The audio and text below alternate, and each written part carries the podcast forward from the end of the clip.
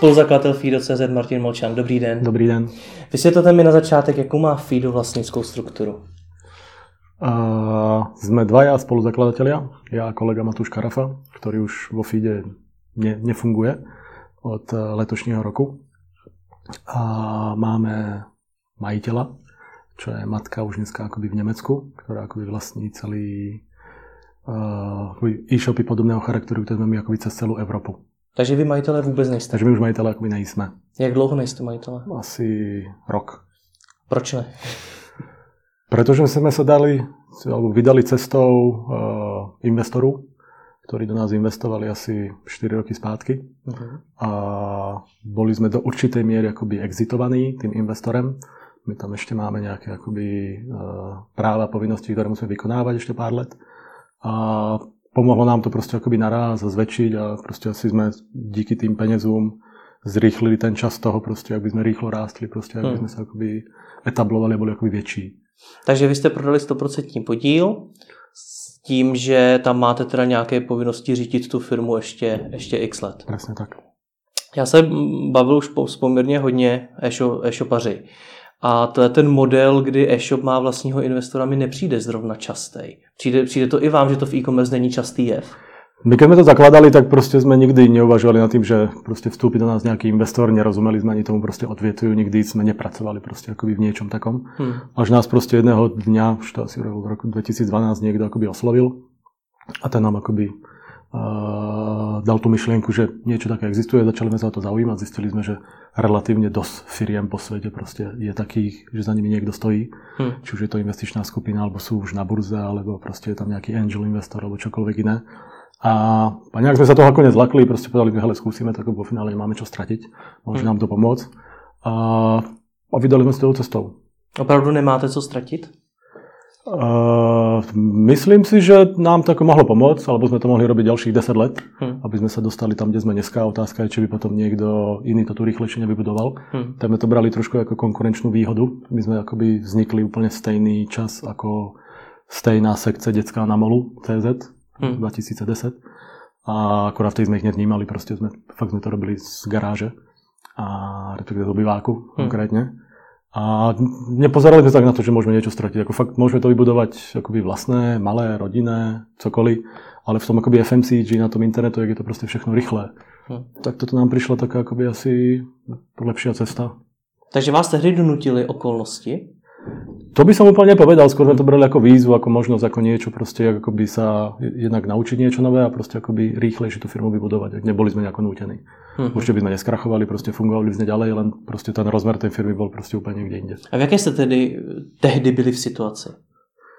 Bolo nás 8, uh-huh. mali sme kontokorent v Brajvce a proste žili sme tak nejak, proste, aby sme z tej firmy tie peniaze nevyťahovali náhodou, skôr ako by vráželi do nej a budovali to a rozlistovávali portfólio a snažili sa proste ako riešiť ten logistický systém, ktorý s nárastom proste jednotiek objednávok, z nižších desítek objednávek měsíčne pras dokáže tú firmu proste zrujnovať. Hmm. Tak ako sme to proste brali, že nás to baví a že je to niečo, čo chcem akoby budovať uh, s neuveriteľne silným akoby prozákazníckým zážitkem, hmm. takým tým custom experience, jak sa tomu říká dneska. A, a mali sme to nejako v sebe akoby od začiatku. Hmm. Takže všetko to, čo sme vydelali, otočili, tak sme sa snažili proste dávať presne... Asi primárne do tej logistiky, tá bola taká ako pre nás najťažšie uchopiteľná. E, do roku 2012 sme si tak nejak plácali sa s online marketingem, potom nám začala pomáhať jedna agentúra, ktorú asi poznáte. A proste sme to budovali. Na začiatku sme nemali práve tie ambice, že jo, ono to bude veľké, áno, dneska je to veľké, tam 180 ľudí a proste 5 sme tu štverečných skladov, čo sa nesnažíme nejak ako tým zákazníkom komunikovať, my fakt ako sa snažíme byť taký osobný ráce, proste ak je to tá silná komunita, alebo najsilnejšia komunita, proste, ktorú máme matka a dieťa. Hmm. Tak ako nehráme na nejaké proste velikánske, proste regionálne, geografické proste akoby benefity, ak to tak môžem povedať, ale proste byť vnímaný ako proste malý lokálny hráč, hmm. malý, hmm. osobný, ktorý, proste, na ktorý sa môžete spoláhnuť, nechceme ísť proste cestou jak títo dva akoby najväčší, ktorí proste sa snažia predávať akoby všechno. Čo nehovorím, že je špatné, len proste máme. A, a možno aj to aj tým vlastne, že sme alebo nie, možno je to tým, že sme vlastne ako špecialista. Hmm. My chceme sa profilovať ako špecialista, proste naša cieľovka je minus 9 mesíců žena až cca 3 roky, keď už vlastne to dieťa je taký malý dospelý, ten už papá všetko nekaká do plínek, hmm. konzumuje cokoliv, hračky mu môžete dať do tabletu, cez všechno možné, takže to musíme proste portfólio 100 tisíce výrobkov a to asi úplne nechceme. Lebo to stratí potom to čaro toho, na čo my veríme a verím, že tá tradícia je tu spátky a začne sa vracať. Globalizácia niekde bude fungovať, ale proste to lokálno, to, to, to špecifično proste zase sa vráti k tým kořenům, že že tam je prostě kvalita těch služeb. Hmm. Ale byli jste tehdy, když jste tedy jednali o tom prodeji FIDA, byli jste tedy ekonomicky zdravá firma? Nebo jste byli nějak hodně v mínusu? Protože já znám hodně firm, které takhle řeší nějaké svoje ekonomické problémy. Nemají Na začátku si myslím, že jsme byli v nějakých s černou nulou. Hmm. Jsme to prostě jakoby uhrávali. A to, bol, a to vtedy tu firmu nepredávali. To len do nás jako vstoupil ten investor. Hmm. A ako náhle vstúpil, nalial peniaze, tak samozrejme sme boli v brutálnej stráte, pretože nalial tie prachy do toho, aby sme sa dostali prostě na break-even s oveľa väčšími prostě akoby obratmi a více krajinami. Dneska hmm. pôsobíme už v štyroch krajinách. A, takže jsme stále ešte profitabilní. Vďaka hmm. tej akoby inekcii, ktorá postupne prostě proudí. A co to znamená, že do vás vstoupil investor, ale ešte ste to neprodávali? Takže oni... To prvého investora, uh-huh. polský fond. A ten iba akoby nalial peniaze a prostě rozdelili sme si po nejaké podiely, majoritnú alebo drtivú väčšinu stejne sme vlastnili my dvaja. A, a to bol finančný, kto si dal prachy a teraz ale kluci, urobili ste plán, tak to skúste dodať. A potom asi za rok a pol sme sa stali akoby súčasťou, to bol ten ich exit, a stali sme sa súčasťou práve akoby tej nemeckej skupiny, ktorá pôsobí akoby na celom európskom trhu. A dneska tedy podíl někde máte nebo nemáte podíl někde? Dneska dá sa povedať, že máme podiel v celej tej skupine. Takže vy vlastně jste spolumajitelem FIDA. Dá sa to povedať, áno. Proč jste se rozhodli o, pro prodej celého FIDA a ne to, bol, části? to, bola, to bola podmienka toho, tej matky dneska, tých Nemcov. Že proste to musia akoby celé kúpiť. Tak ono to išlo ako na burzu. Uh-huh. Stalo sa IPO minulý rok kvietnu alebo 2016, jestli sa nepletu. A, a my máme akoby tie, tá monetizace za ten exit bola prostě jako podiel v celé té jakoby skupině. Nebylo to pro vás poměrně jakoby diskomfortní přece jenom zbavit se celého podílu v takhle rychle rostoucí firmě, za pár let byste ho třeba mohli prodat, prodat podstatně dráž? V tomhle si asi už urobili jasno, keď vstúpal ten prvý investor, že prostě hmm. ono stejně budeme hrať na ten exit, netušili sme, kedy príde a podľa mňa sa ako stretlo akoby veľmi dobré to, že oni chceli, my sme chceli do tohoto IPO, takže to bolo tak akoby zaujímavé. A neuvažovali sme na tom proste tak ako už od začiatku, keď sme si zobrali toho investora, tak v tom FMCG proste nízka marže, tak si povedali, hele, je to naša prvá nejaká životná skúsenosť akoby také, budovania takejto veľkej firmy. A, a to negatívum my sme tam ako nemali, nemám to ani do dneska, proste ja som rád, že sme to vybudovali, vo finále my sme to dotiahli tam, kde sme to dotiahli a ne, nemyslíme nás, ale tých ľudí hlavne okolo toho, pretože 100% stojí na Molčanovi a Karafovi celé. Uh, a prišla tá doba proste, keď sme museli povedať, alebo museli súhlasiť, od začiatku sme to tak mali nastavené, ok, to sú podmienky hry, ber, nebo nech ležet. Hmm. A nám to prišlo akoby fér. Stále sme akoby slobodní, robíme to sami, proste nikto nám do toho nekecá. Hmm. Akurát ten región sa nám zväčšil, to je pre nás tak ako docela veľká výzva jak ako fungovať cez více krajín. A, a tým, že akoby asi plníme tie plány a stále rastieme, tak prostě máme akoby voľné ruce. Takže ja sa stále cítim ako majiteľ, ale keď sa pozriete prostě do justice, hmm. tak no, jsme...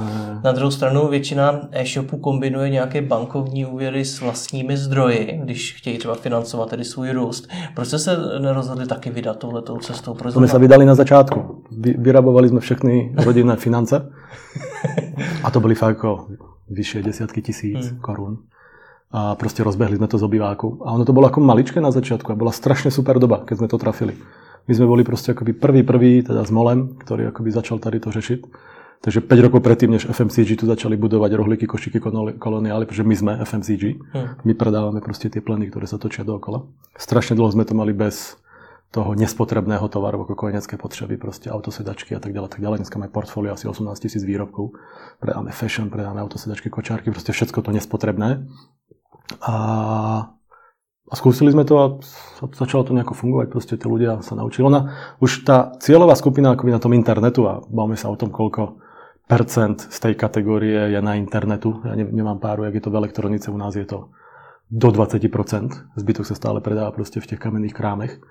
Eh, ale na začiatku tá skupina, ktorá uvažuje vôbec, že je schopná nakúpiť na internete, pretože to nákupné chovanie akoby diametrálne rozlišné. Ja viem, že Alza tu asi vybudovala proste, alebo parfémy, knížky, proste už je niečo iné. Tam už akoby ten človek si myslím, nemá tú bariéru toho, aby proste išiel hmm. na nejaké virtuálne prostredie. Viete si nakúpiť proste akoby to, ten spotrebný tovar kľudne i na čerpací stanici. Viem si predstaviť, stále je to pokladná, kamenný krám, prídete na náptuku, košík, taška aj proste ide preč, ale zrazu proste ísť kúpať rohlíky na internet. U nás plienky, kojenecké mlieko je proste akoby také iné. A na začiatku tam bola relatívne veľká cieľová skupina, ktorá tu bola otvorená, takže akoby ten začiatok nebol až tak náročný, ale tu už ako jak sme väčší, už tá konkurencia dneska predáva kojenecké mlieko a plienky úplne každý. Hmm. A, alebo matka, alebo lojálny zákazník, proste shopper a tak ďalej, tak ďalej. Tak proste ako ten rybníček, ktorý je na tom internetu, kľudne, řekneme, to je 25-20%, proste akoby už malý. Už proste sa o toho zákazníka bijeme a tí noví proste prichádzajú relatívne pomalu. Hmm. Takže dneska je to náročnejšie, ale akoby tie začiatky neboli až tak ťažké. Boli ťažké v tej logistike, aby sme vedeli expedovať, aby sme nemali expedícii 14 dní, pretože nepredávate chladničku, ale proste kojenecké plienky a tie potrebujete zítra. Nebo, nebo plienky, nebo kojenecké mlieka. Takže v tom sme akoby bojovali, bojovali, aby sme proste nastavili ten logistický systém tam, aby nám to fungovalo, proste, aby, aby sme to dokázali rýchlo expedovať. Nedokážeme asi ovlivniť proste akoby tých kuriérov, jak prídu, či sa usmievajú alebo neusmievajú, ale aby tam boli, aby tie cut-off time boli proste čo najneskôr. Dokázali sme za ten deň zabaliť čo najviac balíkov. A od začiatku nám bolo proste ako jasné, že ten customer satisfaction, alebo ten zážitek z toho nákupu je proste strašne, strašne dôležitý. Chápu správně tedy, že byl vlastně dobrý čas na to tu firmu prodat?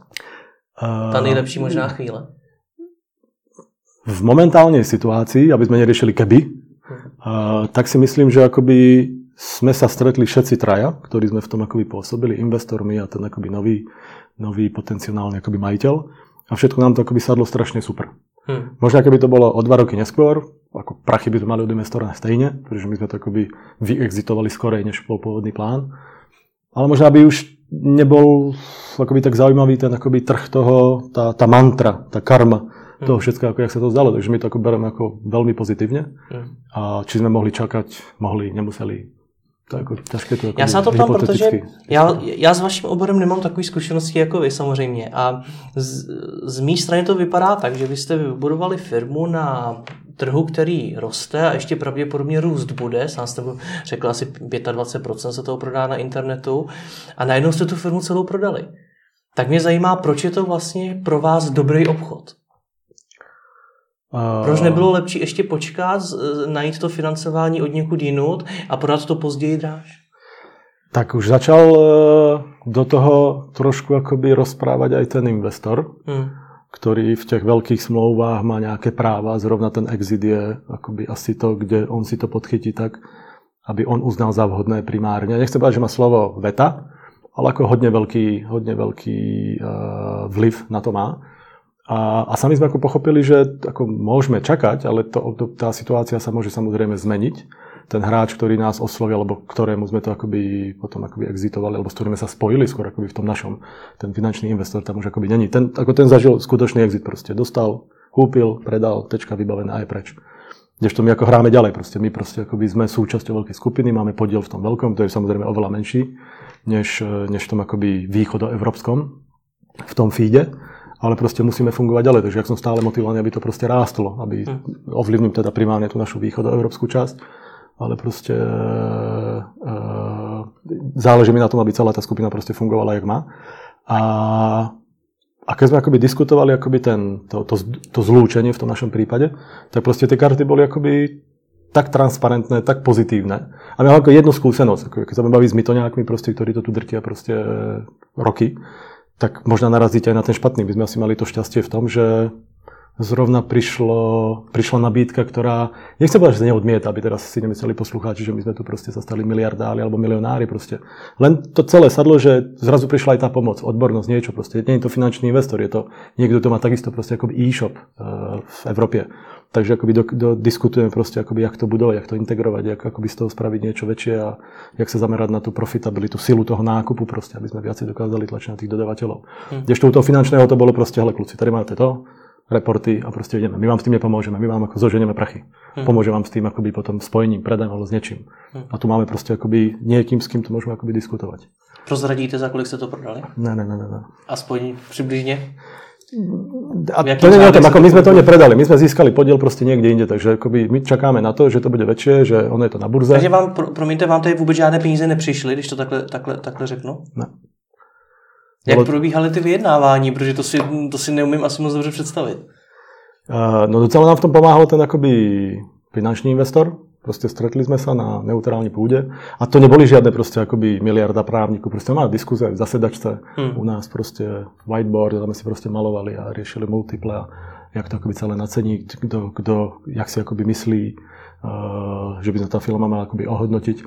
A práve tam bola tá krásna akoby súra, že my sme sa ako relatívne rýchle našli. Áno, diskutovali sme proste veci, diskutovali sme smlouvy, proste jak akoby kde hodí tú odpovednosť za čokoľvek, čo sa môže mhm. stať. Akoby, a hľadali sme balans, ale sme si akoby nemeckého právnika. To bolo podľa nemeckého práva, mám pocit. A s nimi to akoby diskutovali. A potom tam boli také akoby stále racionálne naťahovanice proste o tom, akoby, jak proste nastaviť tú smlouvu, kde oni ustúpia, kde, čo my akceptujeme. Samozrejme, sme boli si vedomi toho, že nemôžeme sa stať súčasťou niečoho a teraz veškerá zodpovednosť za históriu ide za vami. A proste asi nikto nepodpíše, takže tam boli také akoby fakt normálne, klasické akoby naťahovačky. A celá tá konštalácia mi prišla proste, že bola tak pozitívna, príjemná. My sme sa s tými ľuďmi stretli už v roku 2012, úplne náhodou. Takže sme sa poznali, proste boli sme sa za nimi pozrieť, oni akoby si našli nás. Takže to bolo akoby, vlastne to nebol exit, to bolo spojenie dvoch e-shopov, proste akoby mm. veľkých. A v tom to bolo asi to, čo nás tam akoby lákalo. A ani sme neuvažovali nad tým, že proste to teraz ešte potiahneme 2-3 roky a potom to ako strelíme a delejte si tam, čo chcete. Niekomu úplne inému, neviem komu teraz. Amazonu. Tu bude jedna sekcia, my to kúpime len preto, aby sa niečo stalo. Hmm. Neviem, takže to bolo také... A možno také netradičné, ja to ako neviem úplne porovnať akoby s inými firmami, pretože tiež to poznám iba z médií ale nenapadlo nás myšlenkou prostě jakoby hmm. to snažit se modelovat jinak. Abych to tady dobře pochopil, tak Fido mělo na začátku jednoho investora, který byl jenom finanční a měl tedy nějaký minoritní podíl. Ano. A potom později za vámi přišla ta, ta velká skupina, která vám řekla, hele, my chceme celý Fido, 100% firmy, výměnou za to, že dostanete podíl v té naší skupině. Zjednodušeně, přesně tak to bylo. Proč pro vás bylo nakonec zajímavé skutečně získat ten podíl v té, v té skupině? Protože opět, jak jste sám řekl, má to nějakou historii, ta firma bude mít nějaké problémy a tak dále, tak proč to pro vás bylo zajímavé? To byla si myslím primárna podmienka, že oni si kupovali nás dvoch, že my sme to tam ako dostali s celým tým týmom, s celým tým proste akoby do určitej miery nehmotným proste ako know-how. A ako na rovinu povedali, hele, my, my to nechceme kúpiť, dáme vám prachy a proste nazdar, my vás potrebujeme k tomu aby ste to proste budovali ďalej. Takže Čím ste je podľa vás tak zaujali? Asi to, tým, že sme špecialista, čo oni sú takí. A tady mluvíte jenom o sobě, tedy jakoby o vás? Nie, mluvím ako, nie, nie, o feedu, o feedu. Uh-huh. Ja ako nikdy sa nesnažím hovoriť, že ja a kolega sme feedo. Že feedo sú tí ľudia, ktorí tam pracujú, ktorí nám s tým pomáhajú. Uh-huh. Jednotlivé oddelenia, vedúci, proste všetko. Fakt ako my sme tie, nechcem povedať postavičky proste ako niekde na vrchu, ale ako tá doba, kedy to bolo fakt o nás dvoch, je už ako dávno, dávno preč. Uh-huh. Takže, takže akoby celý ten tým ľudí a my sa snažíme proste akoby ich brať ako súčasť firmy, nie nejaké čísla v Excelovskej tabulke. A toto slova do písmena, všetkých poznáme proste menem, keď niektorý, je tam 170, takže ako niekedy mi trvá teda, než akoby mm. niekoho spoznám, ale s každým proste komunikujem, ja robím nejaké akoby intro to feed, to voláme, proste keď nastúpi nový zamestnanec, presne celá tá história, to prezentujem ja, aby tam bolo to proste, že fakt nám na tom záleží, tá, tá, tá osobnosť, tá ľudskosť. A a naspäť k otázke. To boli proste podmienky, ktoré oni si proste dali. Hele, my to proste chceme ďalej s vami budovať. Idete do toho, ak áno, tak proste tady to sú pravidla. Proste my vám dáme podiel v tej celej firme a proste môžete akoby rásť ďalej. Ale jestli som to dobře pochopil, tak oni měli primárne zájem o vás. O Martina Molčana a o vašeho... Mali primárne zájem o tú firmu, ale riadiť musíme my dvaja. Hmm. Pretože keby, to, keby kúpil len tú firmu, tak si viem predstaviť, že do veľkého rizika toho, že tu nikoho nemajú, dajú tam nejakého iného manažéra. Je to stále startup, proste, že tí zakladatelia sú asi strašne dôležití, kým to ako rastie, ja neviem, stále rastie dvojciferným číslem. Hm. Niekedy sa nám zadarí proste akoby medziročne až trojciferným číslem. Takže stále je to také akoby startupové, a to možno používam slova majiteľa Kivineska, ktorý presne povedal, že nezáleží na tom, či ste profitabilní alebo nie, ale jak rýchlo vám to rastie, proste aké zmeny sa tam dejú, proste či už obratové, logistické, počet ľudí a tak ďalej, tak ďalej. A ja si myslím, že stále sme ešte v tej fáze, že proste ten, ten, ten rast dynamický, ale vo všetkom, v celej tej štruktúre tej firmy je proste strašne rýchly. Hmm. To prostredie je tam ako docela hektické, to asi úplne pre každého. Proste v korporátech máte, a teraz sa odprostím od toho, že sú tam aj zlé maniere v tých korporátech proste, ale to sú firmy, ktoré rastú do 5% medziročne, možno ani to nie. A, a proste tie systémy na všechno tam už je proste ako zajeté. A u nás je to proste ešte taký akoby punkerský systém, ktorý má svoje pravidlá a hranice, ale je to taký ako organizovaný chaos zatiaľ. Hm. Takže ja si úplne neviem predstaviť, že keby som bol na ich mieste, že by som ako kúpil tú značku a to zboží a tých zákazníkov a teraz, a teraz tam dáme nejakého manažera. Majú úplne to v sebe, ten entrepreneurship, jak majú tí ako zakladatelia, takže to som bral ako normálka, ani som nečakal, že by s niečím iným prišli. Hmm. Tohle to ale, co říkáte, co říkal asi teda Oliver Dlouhý z Kivy, tak um, to asi platí skutečně jenom pro firmy, které za sebou mají velký kapitál od svého investora, protože vy jste si to asi ve feedu sami dovolit nemohli, nebo ano, nedívat se na ty čísla, jestli jste teda v zelených číslech nebo ne, ale dívat se na to jenom, jak rostete. A to my sám. Od začiatku sme sa dívali proste na PNL, na akoby všetky akoby KPI parametre. Z takého ako zase triezvého hľadiska, nie sme analytická spoločnosť, aby sme analyzovali len preto, aby sme mali analytické proste ako reporty, ale stále sme sa pozerali na tú analytiku tak, aby sme vedeli, že toto sú a veci, ktoré nejak dokážeme ovplyvniť. Nepotrebujem zatiaľ vedieť to C, hmm. pretože stejne dokážem proste v rámci struktúry IT, čohokoľvek proste akoby riešiť iba tady tie akoby zmeny. A, a to sme si akoby sledovali stále, len proste akoby tá firma rástla. Sice rýchlo, ale ľudí tam bolo menej proste a, a, a dokázali sme to dostať proste do tej akoby čiernej nuly na začiatku a proste akoby tak nejak nám to krásne fungovalo. No a potom samozrejme, keď prišiel ten investor, tak tou veľkou investíciou proste zase definujeme, čo je veľká investícia, proste tou investíciou uh, sa tá profitabilita trošku ako vzdialila. Pretože cieľ bol nečakať a ísť proste pomaličky, ale proste raziť to akoby čo najrýchlejšie. Ďalšia krajina proste a tak ďalej, tak ďalej, proste nejaké vstupné investície. A my si vlastne, a tak si myslím, že to má ako každý dneska asi tie všetky tie miléniové firmy, keď budeme moderné, proste akoby proste idú do toho, že si za tie, ten veľký balík peňazí proste kupujú ten čas. Mm. Coca-Cola tu proste rastie, že o 150 let to, na to už asi v online nemáme čas, proste tu sa bavíme o kvartálech, keď proste niekto príde a prebehne hmm. vás proste a ujede vám a už v živote nedobehnete. Přesto, ale my jsme se před natáčením bavili o tom, kolik tady v Čechách máme e-shopu a přijde mi, že takhle to řeší minimum z nich. Je to podle vás chyba? Brzdí je to? Uh, zase sme malý trh, ja ani neviem, jak to tu celé akoby vzniklo, že tu je nejakých 36-38 tisíc e-shopov podľa mňa ako najväčší počet na hlavu snad na planéte, neviem, či v Amerike toho viacej. A kde to vzniklo, neviem. A či robia chybu, ako ťažko poviem, no, otázka je zase, s čím podnikať, ako spraviť si čo podľa mňa není až tak náročné, za 15 mesíčne si proste najmete niečo, na, nastrkáte tam to zboží. A teraz je otázka, ako, jak, ako, či ste ten skutočný podnikateľ, či vy idete do toho rizika, že to chcete väčšie, alebo to chcete len udržovať, alebo to máte ako hobby. A ja neviem, koľko z nich je, ale áno, bavili sme sa, že je tisíc najväčších a možno ich je 200. Hmm. To už je tiež relatívne veľké číslo na to, možno ani to nie. Takí tí proste, ktorí sú už fakt ako, že, že ten e-shop vás proste akoby živí. Hmm. A, a či robia niekde chybu, neviem, no, asi zase záleží, kedy začínate, s čím začínate. Ak začínate teraz baby foodem, tak to ako zabudnite, že proste niekedy budete profitabilní. Však sme tu my, je tu MOL, kojenecké, a zase plienky a kojenecké mlieko predáva úplne každý dneska, Alza, proste kasa, lekárny, maxikové hračky, úplne všichni. Proste, pretože tá matka akoby samotná. A to tu nebolo pred tromi rokmi. A proste vidíme, že dneska akoby, keď my nastavujeme ceny proste, alebo monitorujeme si zrovna tady tie dve kategórie, pretože sú najobrátkovejšie, tak proste čumím, kto to všetko akoby predáva. Na druhú stranu chápem, prečo nie, vidím to aj v tých reťazcích, proste akoby tá matka tam začína byť, alebo to portfólio pre matku, pre tú nakupujúc, pre tie deti sa tam proste zväčšuje. Ale či robia chyby, to ako nedokážem takto od stolu povedať. Ako každý máme podľa mňa tú istú štartovaciu dráhu, a môžeme si ten osud vybrať alebo nasmerovať ho minimálně. Tomu rozumím, zeptám se teda jinak, kdy teda v té dráze, kdy se rozhodnout pro to oslovit toho investora? Kdy je ta správná A nás nikto neoslovil. My sme nikoho neoslovili, oni si našli nás. My sme nemali na začiatku ten mindset, že ako sledujeme si proste kategórie, skontrolujeme si marže, proste uvidíme, kde to akoby začneme budovať. Jaký jste tam měli plán sami? Když, když teda ste to, to vôbec nečekali, že přijde, tak aký ste mieli plán? My sme, moja žena otehotnela so synom, tak sme si povedali, hele, s bratrancom, to bol môj bratranec, alebo je, je môj bratranec, eh, ten spoluzakladateľ. My povedali, hele, poďme spraviť e-shop, mali sme dva nápady. My povedali, hele, nemôžeme úplne riešiť akoby dva akoby e-commerce, dve e-commerceové platformy, tak sme si povedali, že pôjdeme akoby tým, tým baby foodem, tým detským segment, segmentem. A začali sme to proste robiť. A spravili sme si prvý plán a koľko objednávok, aby sme boli v pluse koľko objednávok, aby sme vydelali 5000 korún každý a sme sa hľadať, uvidíme, jak to povedia. Proste tak to nejako rástlo, rástlo, rástlo a začalo nás to viacej pohlcovať a baviť a proste zaujímať sme sa o to proste, lebo nám to prišlo také ako zaujímavé, že sme tu proste akoby na zelené lovce v obýváku na Žižkovie proste spustili niečo a ono to rástlo a namotali sme sa do toho až tak, že jedného dňa niekto zaklopal na dveře a povedal, hele kluci, poďme sa pobaviť o tom, A to jste už byli v jakých číslech?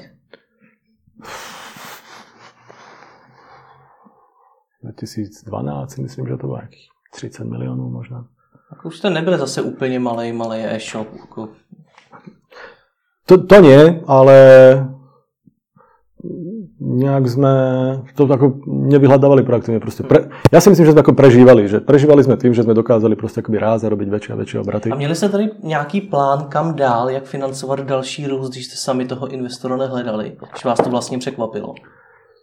Až tak sme sa na tým až nezamysleli úplne, že akoby nerobili sme si akoby až také dlhodobé plány, skôr sme akoby, ja tým nechcem povedať, že sme ako žili zo dňa na deň, ale dneska už akoby ten plán je proste akoby profitabilita a už proste presne vieme a sledujeme proste všetky možné akoby parametre, čo všetko spraviť efektívnejšie, aby tá profitabilita prišla buď trošku rýchlejšie, alebo v ten daný moment, jak sme si to naplánovali v tom pláne, proste, ktorý zase je mimo realitu ako každý plán. Že stále príde niečo akoby nové, čo vám hádže nejaké klacky, proste bariéry pod nohy. Ale až tak ďaleko sme sa proste ako nepozerali. Ako, hodne sme ako riešili to, tú firmu, tú kvalitu, aby sme rástli samozrejme a začali sme s, v roku 2012 akoby s internetovou agentúrou spolupracovať, online marketingovou agentúrou. A, ale úplne také tie, až také tie akoby nejaké vize toho, že On, on nás podle mě jakoby někdo jako hodně naštartoval potom, keď, keď přišel ten první dotaz. A jak právě probíhal ten moment, kdy jste museli přepnout? Protože sami jste teda moc dlouhodobý velký vize neměli. Najednou vás teda někdo koupil, vy jste ve vedení firmy dál a najednou musíte řešit eh, čtyři trhy, na který expandujete, daleko větší cíle, daleko větší vize. Tak jak probíhal ten moment, kdy jste museli přepnout? Tak ono to jako trvalo, už keď nás oslavil akoby ten prvý uh, hovoríme, potenciálny investor, niekto sa začal zaujímať proste, akoby, čo by sme s tým mohli spoločne robiť a či by nám pomohla nejaká finančná injekcia, injekce. Tak sme akoby začali sa zaujímať o to, čo je to investor, jak to funguje proste a proste googliť si tu, Forbesy si kupovať a čítať a tak ďalej, tak ďalej.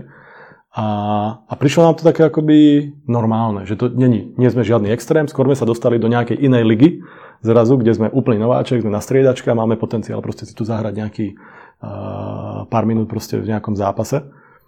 A strašne veľa sme to diskutovali proste s tým, akoby, s tým, s tým partnerom. Hodne, hodne, hodne, prečo to bolo pre nás fakt ako niečo nové. A, a postupne, ak ako plynuli tie roky, tak sme si proste uvedomovali, jak musíme viesť tú firmu, jak to máme pristupovať, že tie peniaze máme investovať a proste a tak ďalej. Že keď prídu ešte peniaze, neznamená, že dokážete s nimi niečo spraviť, pretože štruktúra firmy bola úplne niekde inde. Rasť tak rýchlo, aby nás ten rast nezabil. Hmm a, pretože najväčší nepriateľ rýchlosti je rýchlo sama, povedal náš analytik. Takže sú 3-4 roky už vo finále, akoby, čo sa v tom pohybujeme, čo prišiel ten prvý impuls. A stále proste to diskutujeme, bavíme sa o tom a, a máte divné sny, niekedy pozitívne, negatívne, čo vlastne sme to urobili a k čomu sme sa upísali. Ale ako neriešime to, ale čo keby. Asi proste sme, sme, a to si myslím, že väčšina asi z tých entreprenérov je takých, sa môžeme pozrieť na tých naj, najväčších asi. Tí asi posledné, čo riešili, je, čo sa môže stať všechno. A to potom potrebujete vidieť tú viziu a tlačiť to niekam dopredu. A tu my sme stále mali. Ale vy ste sa ako hodne pýtali na tú ekonomiku a my sme proste riešili. Vizi máme od začiatku proste jasnú, ktorú do dneska prezentujeme, nezmenila sa. A, a proste chceme byť jedničkou v tom, čo robíme na akomkoľvek trhu, kde budeme pôsobiť.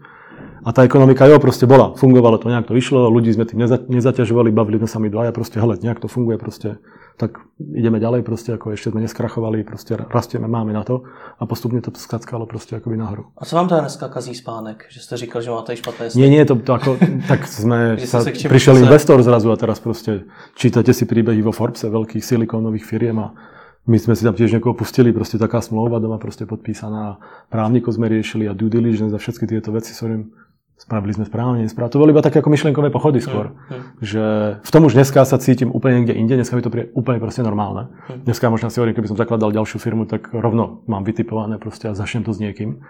Nejaký biznis, biznis pláne som asi zastánca takých tých amerických, proste hlavne by bola hezká prezentácia všechno a potom uvidíme taká tá bublina.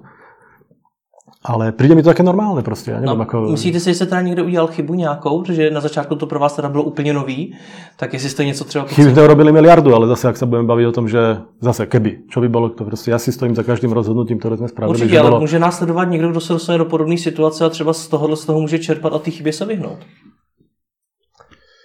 Nebát sa si nad právnikov, ktorí vám pomôžu, uh, pretože to už rieši tak, tak sofistikované veci finančného riaditeľa, jak povedal Vančura z Student Agency, proste keby vedel, čo dokáže všetko finančný riaditeľ, tak si ho nájme ako 5, 5 let dříve. Hmm. Tak úplne to isté proste. My sme najímali finančného riaditeľa 2.15. Dneska by som ho bral proste hneď proste od začiatku. Hmm. Pretože ten vám dokáže tú ekonomiku, proste tie financie, tie čísla, akoby tak... Samozrejme, musí to byť človek, ktorý má aj biznisového ducha. My máme proste geniálneho finančného riaditeľa. A, a strašne to pomáha proste. Hmm. Držať, a nielen ako držať pri zemi, ale aj povedať, hele, teď proste idem investovať, pretože veríme tomu, že sa nám to vráti.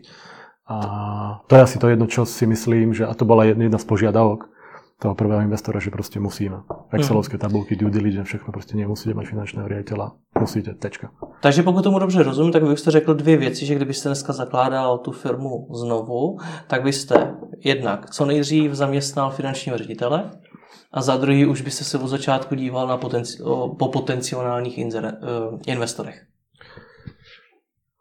Ano. A kdy, kdy je ten moment podle vás, kdyby ta firma, ten e-shop skutečně za tím investorem měl jít? No asi si najprv potreba už akoby v dnešnej dobe zistiť, či vôbec na to niekto bude, či vôbec na to niekto má záujem. Jak to môže udělat? Ako niekde štatistický úrad proste zistí, ako tá kategória proste akoby z tých dostupných informácií akoby v online, ktorých na druhú stranu není málo. Musíte vedieť proste hľadať, hľadať, hľadať, hľadať, hľadať, hľadať a viete si proste urobiť nejakú akoby predstavu o tom, jaká veľká je tá kategória. Na čo nepotrebujete asi nič až tak dramaticky sofistikované, zdravý rozum proste a nejak sa dostať ako dopátrať k tým informáciám a proste tam uvidíte, či to vec má zmysel alebo nemá zmysel z toho niečo ďalej spraviť. To nie, fakt by to chcel niekto kúpiť, proste ako, spravíme to akoby 10 miliónové a niekto to bude chcieť kúpiť. A pod, podľa toho asi vyberáte tých investorov. Proste sú investori, ktorí nejdú, ja neviem, po milióny eur tie fondy a potom sú niektorí, ktorí to berú ako, neviem, dám vám tam milión proste a bude to fungovať. A zase kategória, proste odvetvie, niekde sú vyššie marže, nižšie marže. Ťažko sa to dá akoby špecifikovať, ja si nemyslím, že som na to ten odborník, ale presne tak sme videli, že sa na to pozerali tí, tí jak jeden, tak druhý, ten akoby investor alebo už ten dnešný majiteľ a zdravým selským rozumom proste si vedieť odpovedať, či to má zmysel. Či ten, či, alebo aký typ, akého typa investora, investora akoby hľadám. Bude to niekto, kto to so mnou bude robiť, alebo mi dá tie peniaze a teraz čo potom s tým? Ako spravíme z toho proste dividendovú firmu, tak to zase môže byť proste, môže to byť oveľa menšie, proste bude to generovať nejaké desiatky, stovky tisíc proste akoby ročne, nižšie milióny, neviem. Alebo chcete ísť proste akoby celosvetovo celo, nejaký veľký región si proste akoby vyčleníte. Vaše čočky, parfums, proste Astrata XM, kto všetko proste pôsobí vo viacerých 10-12 krajinách. Hmm. A proste zase, ale majú na túto kategóriu, že proste ako s kojeneckým mliekom ako pôsobí v 12 kategóriách, znamená, že máte 12 iných krajín proste, alebo obecne asi s tými potravinami. Tie sú docela ako náročné v tom, že oni v každej krajine sa volajú inak. Sice je to jedna firma, až na výjimky, ale proste tie produkty sa volajú proste inak, takže vy zásobujete proste z 12 krajín. Kdežto keď idete do tých akoby generickejších produktov, tie, ktoré som napríklad vymenoval, tak proste tie idú, a tie sú tam určite akoby, nie, nie je to až také akoby e, jednobarevné, ale je to jednoduchšie asi vstúpiť na iný trh. Hm. My keď vstupujeme na iný trh, tak presne riešime, hele, kto nám bude zásobovať, tady to proste asi úplne iné tie, hlavne to jedlo. Je proste akoby síce tá istá korporácia, ale proste iný název. Hmm. Jde o tom, že tento rozhovor budou sledovat právě i provozovatele e-shopů uh, různých velikostí a zajímá mě, kdy mají poznat, že je skutečně ten moment za tím investorem jít, jestli to je třeba o nějaké velikosti nebo tak o něčem jiném. Já si myslím, že ísť môžu kedykoľvek. Uh-huh. Nemusím čakať na to, že mi niekto povie, teraz môže otvoriť dvere. Hmm. Dneska tu máme všetkých e-shopistov, proste tých diskozných fór je tu proste s prepáčením tri prdele. Takže stále môžu ísť a pýtať sa a zisťovať a proste proaktívne oslovať proste niekoho, až proste uvidia a, a z toho si urobia potom ten akoby obrázok. My sme ako, jeho nás tedy akoby oslovil, to, ok, mali sme šťastie. Ale, ale proste aj keď niekde zrovna nevystupujeme nejako dramaticky veľa, ale proste nemyslím si, že je to o tom, že proste ako čakáte, že teraz vám niekto povie, jo, teraz je ten správny čas. Hmm. Takže proste ako pýtať sa, pýtať sa po tých informáciách, proste obzvlášť v dobe multimediálnej, to asi není ako je to jednoduché, ale je to tisíckrát jednoduchšia cesta, jak sa k tomu akoby dostať. Hmm a, a, a možno natrafíte na niekoho, komu to zrovna ako bude vyhovovať. Hmm. Ja ako práve nechcem len povedať tým, že sú tu len nejaké ako veľkí investorskí hráči a velikánske skupiny, to je proste nejaká špička a potom je tu miliarda iných rôznych akoby angelov, ktorí, ktorí vám možná v tom ešte viacej poradia, pretože už to nerobí prvýkrát, už ten človek proste investuje do nejakých menších, akoby akýchkoľvek startupových firiem. Mm. Tak len akoby baviť sa s tými ľuďmi a nebáť sa. Ono asi v Amerike je to možná úplne iné, tam je to ešte, ešte proste normálnejšia vec. Proste chodíte do Silicon Valley, že o veľké konference a proste bavíte sa o tom. A u nás je to stále také ako, že môžem, nemôžem. To je finančné, idete do banky. Mm. Tam asi ísť tam si viem predstaviť, že musí byť nočná múra proste. Tam presvedčí nejakého bankéra proste skosnatelého za tým. Oni sa všetci tvária, že sú proste ako už dneska moderné investície, ale stejne musí to splňovať také garance, že proste do vidopo.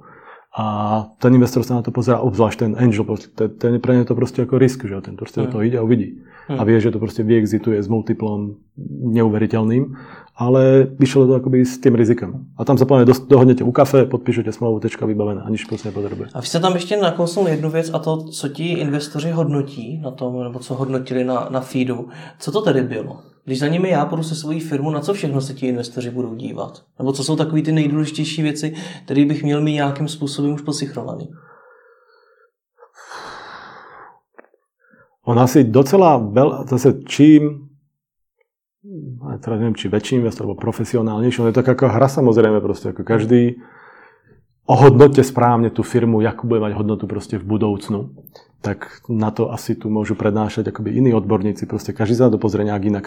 Každú prezentáciu viete akoby urobiť tak, aby vyšla a bola pochopená a odprezentovaná proste tak, jak vy akoby chcete. Ale proste ide o nejaký záujem, potenciál proste akoby toho trhu. Proste to fiktívno, keď akoby, akoby preženiem.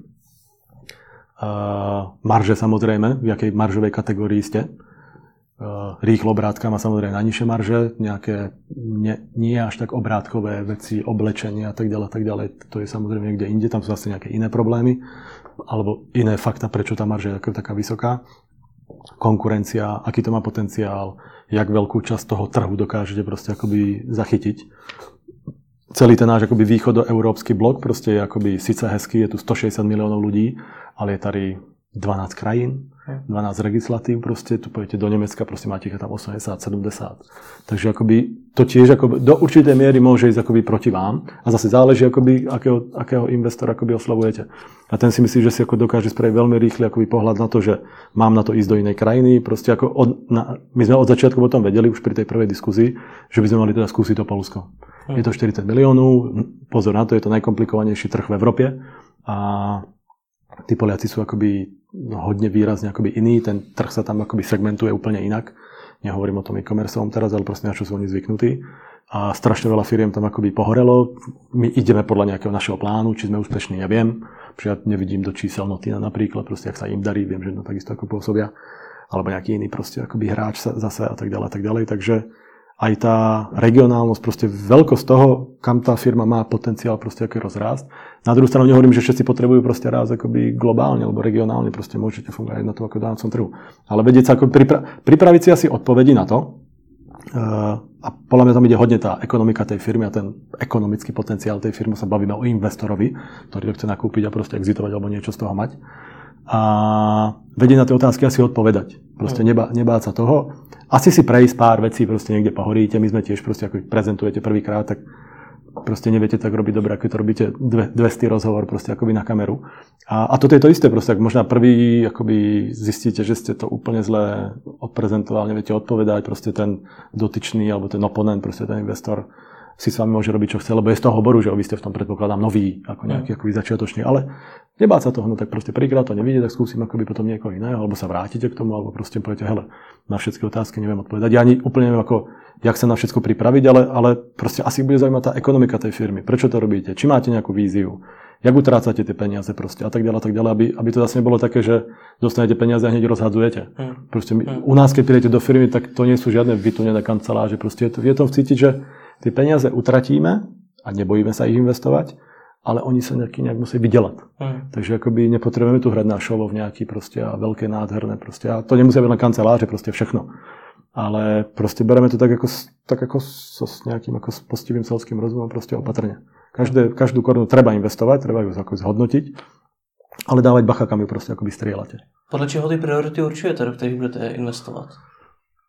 No, vnútorne sa na to proste pozeráme. Mm. Ten akoby ten selský rozum. To je také, ja som ako zistil za tie roky, že každý tu tvrdíme, že máme selský rozum, ale ako nemáme ho úplne každý.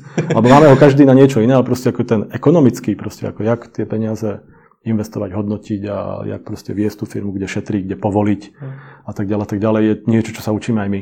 Mm. Proste fakt to robíme akoby prvýkrát a, a veľa prešlapov sme spravili, spravíme a mm. tak nejak asi nasloucháme, niečo viete vyriešiť, niečo nie. Pojďme k té expanzi. Jestli jsem to tady dobře pochopil, tak vám Polsko dalo docela zabrat. Je to tak? Tak, tak, od, od začiatku sme k tomu mali ako velikánsky rešpekt. Uh, ale sme si povedali, hele, tak to spustíme a uvidíme.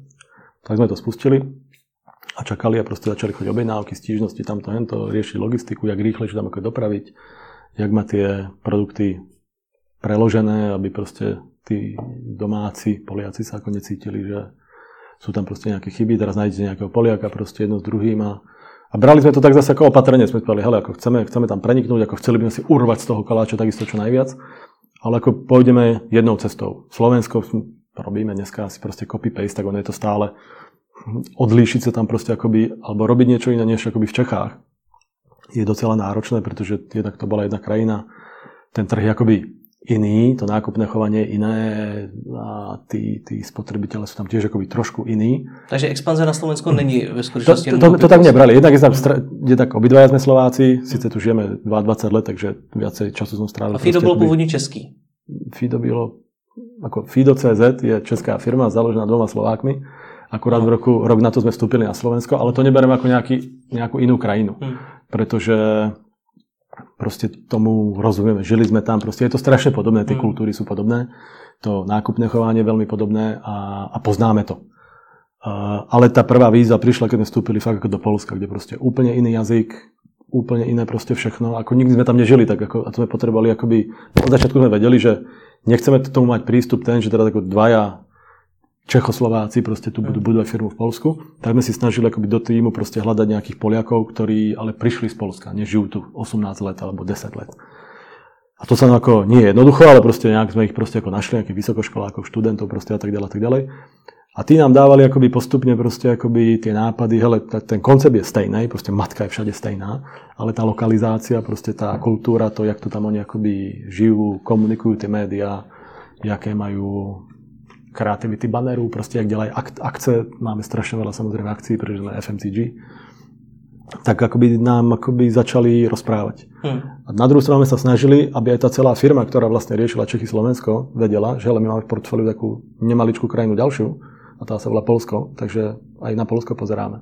Prezentujeme každý rok proste akoby 5 základných strategických bodov na ďalší rok. 5 iba preto, že je to dosť, nepotrebujete 12, lebo to aj tak nesplníte. A stále je tam to Polsko. A nie len Polsko, že ale dobijeme Polsko a niečo v Polsku, keď si v kleci, ale čas, váš čas, čo tu sedíte v tej hm. kancelárii, je aj venovať ten čas tomu Polsku. Zisťovať, zaujímať sa o to proste a tak ďalej, tak ďalej. Dneska už tam máme country manažera, ktorý tam ako začal fungovať od letošního roku. A ten nám tam práve ako pomáha s tým, aby ten biznis rástol akoby ešte rýchlejšie. Hmm. Už to chce tú fakt tú profesionalitu, aby proste sme tam akoby vytvorili tak pevný základ, ako sa nám podarilo proste v Čechách a na Slovensku. Takže Česko, Slovensko, Polsko, kdo dál? Zkoušíme Ukrajinu. Zkoušíte proč zrovna Ukrajinu? Ja, lebo nám to prišlo zaujímavé. pretože sme dostali kontakt na niekoho práve z Notina, z Astratexu a, a skúšame to proste. Je to tiež ako veľký trh, e-commerce relatívne. A to bola fakt náhoda. Bavme sa o Rumunsku, bavme sa o Srbsko, vraj docela vyvinuté. Maďarsko úplne neviem, ale zrovna sme proste dostali nejaký tip na niekoho, kto žije tam, kto nám s tým môže pomôcť. Hmm. Tak sme povedali, hele, skúsime tady to. Takže to, to hodně stojí na těch lidech, eh, který máte přímo v té dané zemi. Protože co mně přijde, tak to dost jako často ti šopařisti tím nezačínají, že by si první našli ty lidi v té dané zemi a teprve s nima to začali rozvíjet. Uh, ja si myslím, že to stojí na tých správnych ľuďoch úplne ve všem, hmm. pretože najdôležitejší, to sa povedal Čupr, lidi, pak služba, produkt okolí a prachy. Pff, to je to posledné. Uh, ono to možná znie tak na fúkanie teraz, ale fakt s tými peniazmi neviete nič spraviť, keď nemáte tí lidi. Tí hmm. správni lidi, tí Ačkoví lidi. A tých je ako strašne málo.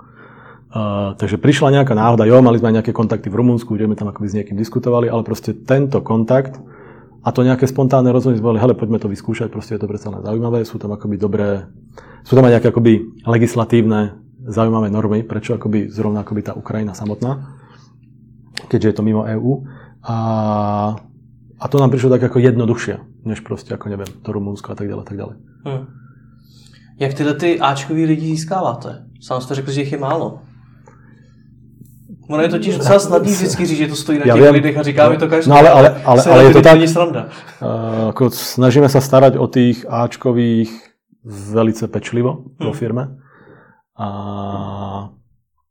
a proste hľadáme kontakty, headhuntry, Dobře, kontakty asi to, najviac. Že když třeba... Ja vám nepoviem, že ako dajte to na, na Jobs.cz a teraz prídu kamáčkovi. Ne, to ne, ale chtěli jste expandovat, nebo představme si, že chcete expandovat na nový trh, do nové země a potřebujete tam sehnat Ačkovýho člověka, tak jak to uděláte?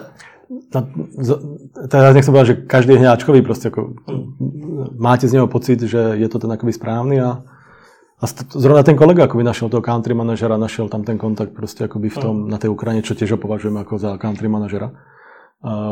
A fakt to bola taká náhoda proste. Na to Polsko sme sa ako fiktívne sústredili, mm. alebo fyzicky sme tam začali na to sústrediť a hľadať a cez rôzne e-shopy, proste kontakty, čo mal ten, čo mal ten akoby kolega, tak sa proste dopátral akoby niekam. Mm. A tá Ukrajina bola fakt si myslím, že ako taká náhoda, že mm. sme tam zrovna niekoho našli, s kým si sadli, ešte dokonca rozprávať česky. To, hele, skúsime to proste a uvidíme. A legislatívne to tam, to je proste byrokracia úplne šílená. Takže asi o pol roka dlhšie to trvalo, než sme si proste kúpili doménu, spravili to všetko, dostali povolenia a tak ďalej, tak ďalej. Uh, dokonca sme tam našli akoby, pardon, kuriérnu službu, ktorá nejaké, nazvime to proste lokálne DPDčko, ale je tam obchodný riaditeľ, ktorý je šikovný, rozpráva anglicky a padol si do oka s našim finančným rediteľom, ktorý má starosti logistiku a, a zase sa to celé zjednodušilo a zrýchlilo a proste lepšie sa nastavali tie procesy. Hmm. Takže ako len ten kontakt v Rumunsku a teraz potrebujete napárovať a platby a všechny proste a potom to môže akoby ska, byť akoby sprzdené hmm. tými, tými ďalšími akoby tretími stranami, ktoré potrebujete, takže potrebujete to štěstíčko trošku k tomu, aby to sa zadarilo. Proč nejste třeba v Německu, nebo proč nejste v dalších zemích? Už tam je ten náš materský shop, Aha. A, Takže vás vlastne to trošku omezuje, ako Fido samotný. To nie, ako ja som zabavil s čočkami a asi aj z Notino a on ten nemecký trh vrať ako tiež není úplne, či tam ako neradi púšťajú proste akoby iné konkurentov, iných konkurentov, ale zase to portfólio je zase úplne iné. A zrovna ako vstúpiť na nemecký trh, kde, ktorý je veľký, je už docela saturovaný, je tam Amazon od začiatku, čo akoby u nás není. Uh, a zásobovať to proste od niekud inút, tak sme spravili, hele, tak tu je ešte docela dosť východoeurópskych krajín, ktoré nie sú obsadené, tak prečo zrovna sa tlačí akoby na západ, keď akoby môžeme viacej akoby byť úspešní. A iné země? Proč, se, proč ste jenom v z nich? Tak, lebo to chce zase čas, ako nemôžeme vstúpiť úplne všade. Hmm. všude. To je asi zase ten rozdiel versus, čo tu používam tých uh, iných hráčov. My máme to portfólio, my ako nemôžeme začať predávať kojenecké mlieko do akékoľvek krajiny. Hmm. keď to máte, keď máte parfémy, máte šošovky, čočky, a, a teraz nepoznám tú kategóriu proste, ale spustíte pipisičko a frčíte to kdekoľvek na planéte, keď to preženiem. Mm. Ale ako s našimi koneckými mliekami a s plienkami úplne nie. Pretože aj tie nemecké sú úplne iné. Sice sa volajú Pampers, ale je to úplne iný obal. A jak tá nemecká matka si kúpi niečo, čo... Mně docela se líbí to, že vy vlastně v průběhu celého toho rozhovoru trošku schazujete to, to vaše zboží, to, to, co prodáváte. To ani náhodou. Len... Říkáte, že většina toho se prodává ještě v těch kamenných obchodech. No to... Teď, že se s tím trošku blbě expanduje, tak proč je to ale, dobrý ale to produkt? No tak lebo máte tú najsilnejšiu cieľovú skupinu a tú komunitu. Hmm. Nemá nikto lepšiu cieľovú skupinu ako my. Proste to je tak silná komunita cez tak silné doporučenia, že keď to robíte dobre, čo sa snažíme robiť dobre, nehovorím, že to robíme dobre, tak proste podľa mňa akoby tá komunita je úplne najviac. Proste to doporučenie, ktoré sa šíri medzi tými matkami hmm. o tom, že tu je nejaké FIDO, ale samozrejme aj nejaká konkurence, tak je silné. Ja to ako nezatujem, ale ako hovorím, že expandovať pre nás je oveľa, oveľa náročnejšie hmm. už len z toho, kde sourcujeme ten tovar Hmm. A proste voziť, už voziť to z Polska, ako fakt není prdel. Hmm. Nechceli sme tam otvárať ďalší sklad, lebo nám to prišlo na začiatku ešte ako úplne zbytočné. Ale ako proste zásobovať to, teraz my vám to nechcú cez hranicu preniesť, pretože to ani majú proste v systéme nastavené, ako kto už si bude kúpať proste akoby lokálny polský produkt, síce korporátnej firmy, do Českej republiky, tak si to kúpte tu proste akoby v pohraničnom obchode, čo frčí vo veľkom. Takže akoby v tom sú akoby docela veľké problémy. Takže už len to nás akoby limituje v tom, uh, že Není pre nás jednoduché vstúpiť akoby na iný trh. A na druhú stranu, ako sme opatrní na to, aby ešte sme nedobili ani to Polsko, proste ako rastieme tam, teraz skúšame Ukrajinu, to ďalšie, a to sa bavíme o dvoch rokoch. Hmm. A tým, že to není len o tých PPC, ktoré môžeme ovládať z Prahy, pretože primárne tá logistika, tak, e, alebo respektive skôr to zásobovanie, tá logistika by sa dala asi easy vyriešiť, tak sme v tom opatrení a učíme sa v tom. Ja neviem, ako, jak rýchlo trvalo tady tým dvom hráčom, proste než už obsadili akoby 12 krajín, čo ja si, ak si dobre pamätám. Ale sme si povedali, hele, ako zase nechceme úplne na úkor Českej republiky, ktorá je stále najväčšia, vstúpiť naraz do pieti, pieti krajín, pretože ešte máme dvojročnú skúsenosť s tým Polskem. Hmm. Teraz budeme mať akoby zatiaľ nulovú, ešte sme nezačali, alebo sme spustili tú platformu na Ukrajine a to je ako ďalšia akoby nejaká skúsenosť. Tak keď začneme uvažovať o Rumunsku alebo Maďarsku, už budeme mať skúsenosti, vieme, jak tú organizačnú štruktúru nastaviť v rámci firmy, aby nám to proste fungovalo. Hmm. Že potrebujeme niekoho proste lokálneho. Už len tým, že tam máte úplne iných dodávateľov, odkiaľ nakupujete to zboží. To proste ako v angličtine, jo, možno s generálnym rejiteľom, keď prídete na úroveň těch obchodních zástupců, hmm. tak ako ty sa s vami prostě nebudou. Vy jste tam zmiňoval, že máte tuším pět těch strategických cílů, nebo takhle, takhle jste to nějak nazval. Do pěti. Do pěti. Tak eh, jaké jsou tedy teď vaše největší cíle? To vám ale nemôžem povedať, to by potom mohla počuť konkurencia a bolo by to potom, keď vypnete kameru, tak vám to kľudne poviem. Dobře, tak váš osobní cíl teď, jakožto šéfa FIDA? Teraz hodne riešime akoby uh, aby nám fungovala firma zevnitř lépe. Strašne rýchlo sme nabrali veľa ľudí. Mm. Vznikli nám tam rôzne také tie nešvary, čo vo veľkých firmách vznikajú. Rozdelili sme sa, nesedíme na jednom patře, ale ve dvou patřech. Máme tri sklady. Mm. A proste zrazu tam máte nejaké veci, s ktorými ste 4 roky nemali problém, lebo som dvihol, zakričal na niekoho, všetko vyriešil a už proste, ak je tam více tých ľudí a nesedia všetci pohromade, a možno aj keby sedeli, tak už v tom množstve to tak nefunguje. Takže akoby ja konkrétne sa snažím ako hodne zamerať na tú akoby HR stránku tej veci. V tom sa edukujeme, aby proste tí ľudia sa u nás cítili nechcem povedať happy, to je silné slovo, aby tam chodili s nejakou radosťou, proste, aby ich to proste bavilo, aby všetci proste žili tým e-shopem. A na to sú tiež ako rôzne školenia, proste mm. akoby... A zase školenia berem, že vás ukáže vám to, potvrdí vám to ten smer a teraz si hľadáme tú správnu cestičku. Aká je tá správna cestička? Ja si ju vyšlapem tak a už ten, čo bude po mne šlapať, už ju má zase trošku inú, lebo už je prečlapaná. Takže keď dvaja robia to isté, nikdy to nie je to isté. Takže akoby, aby, lebo zase, jak sa vraciam k tomu, čo povedal Čuper, proste lidi, lidi, lidi, tak aby to fungovalo, tak na to si ako dávam ja hodne veľký pozor a sústredím sa na to, aby nám to proste akoby fungovalo. Aby tam boli tí správni ľudia, aby sprv komunikovali správne, aby všetky tie problémy, ktoré nám tam vznikajú, proste ako my tam nechceme mať procesy, chceme mať akoby mantinely a proste máme spoločnú víziu, spoločný cieľ a máme tam dojsť a každý už nech si tam dojde, jak chce, lebo je to, každý je nejaká osobnosť, ale hlavne, aby teda išiel akoby tým správnym smerom a už sme nešli každý trošku akoby. Hmm. Aby sme sedeli aspoň v tom istom vlaku a proste už, ak dojdete do toho rušňu, je na každého schopnosti prostě, jak to ako mi môže pomôcť. Tak vám děkuji za rozhovor. Taky děkuji.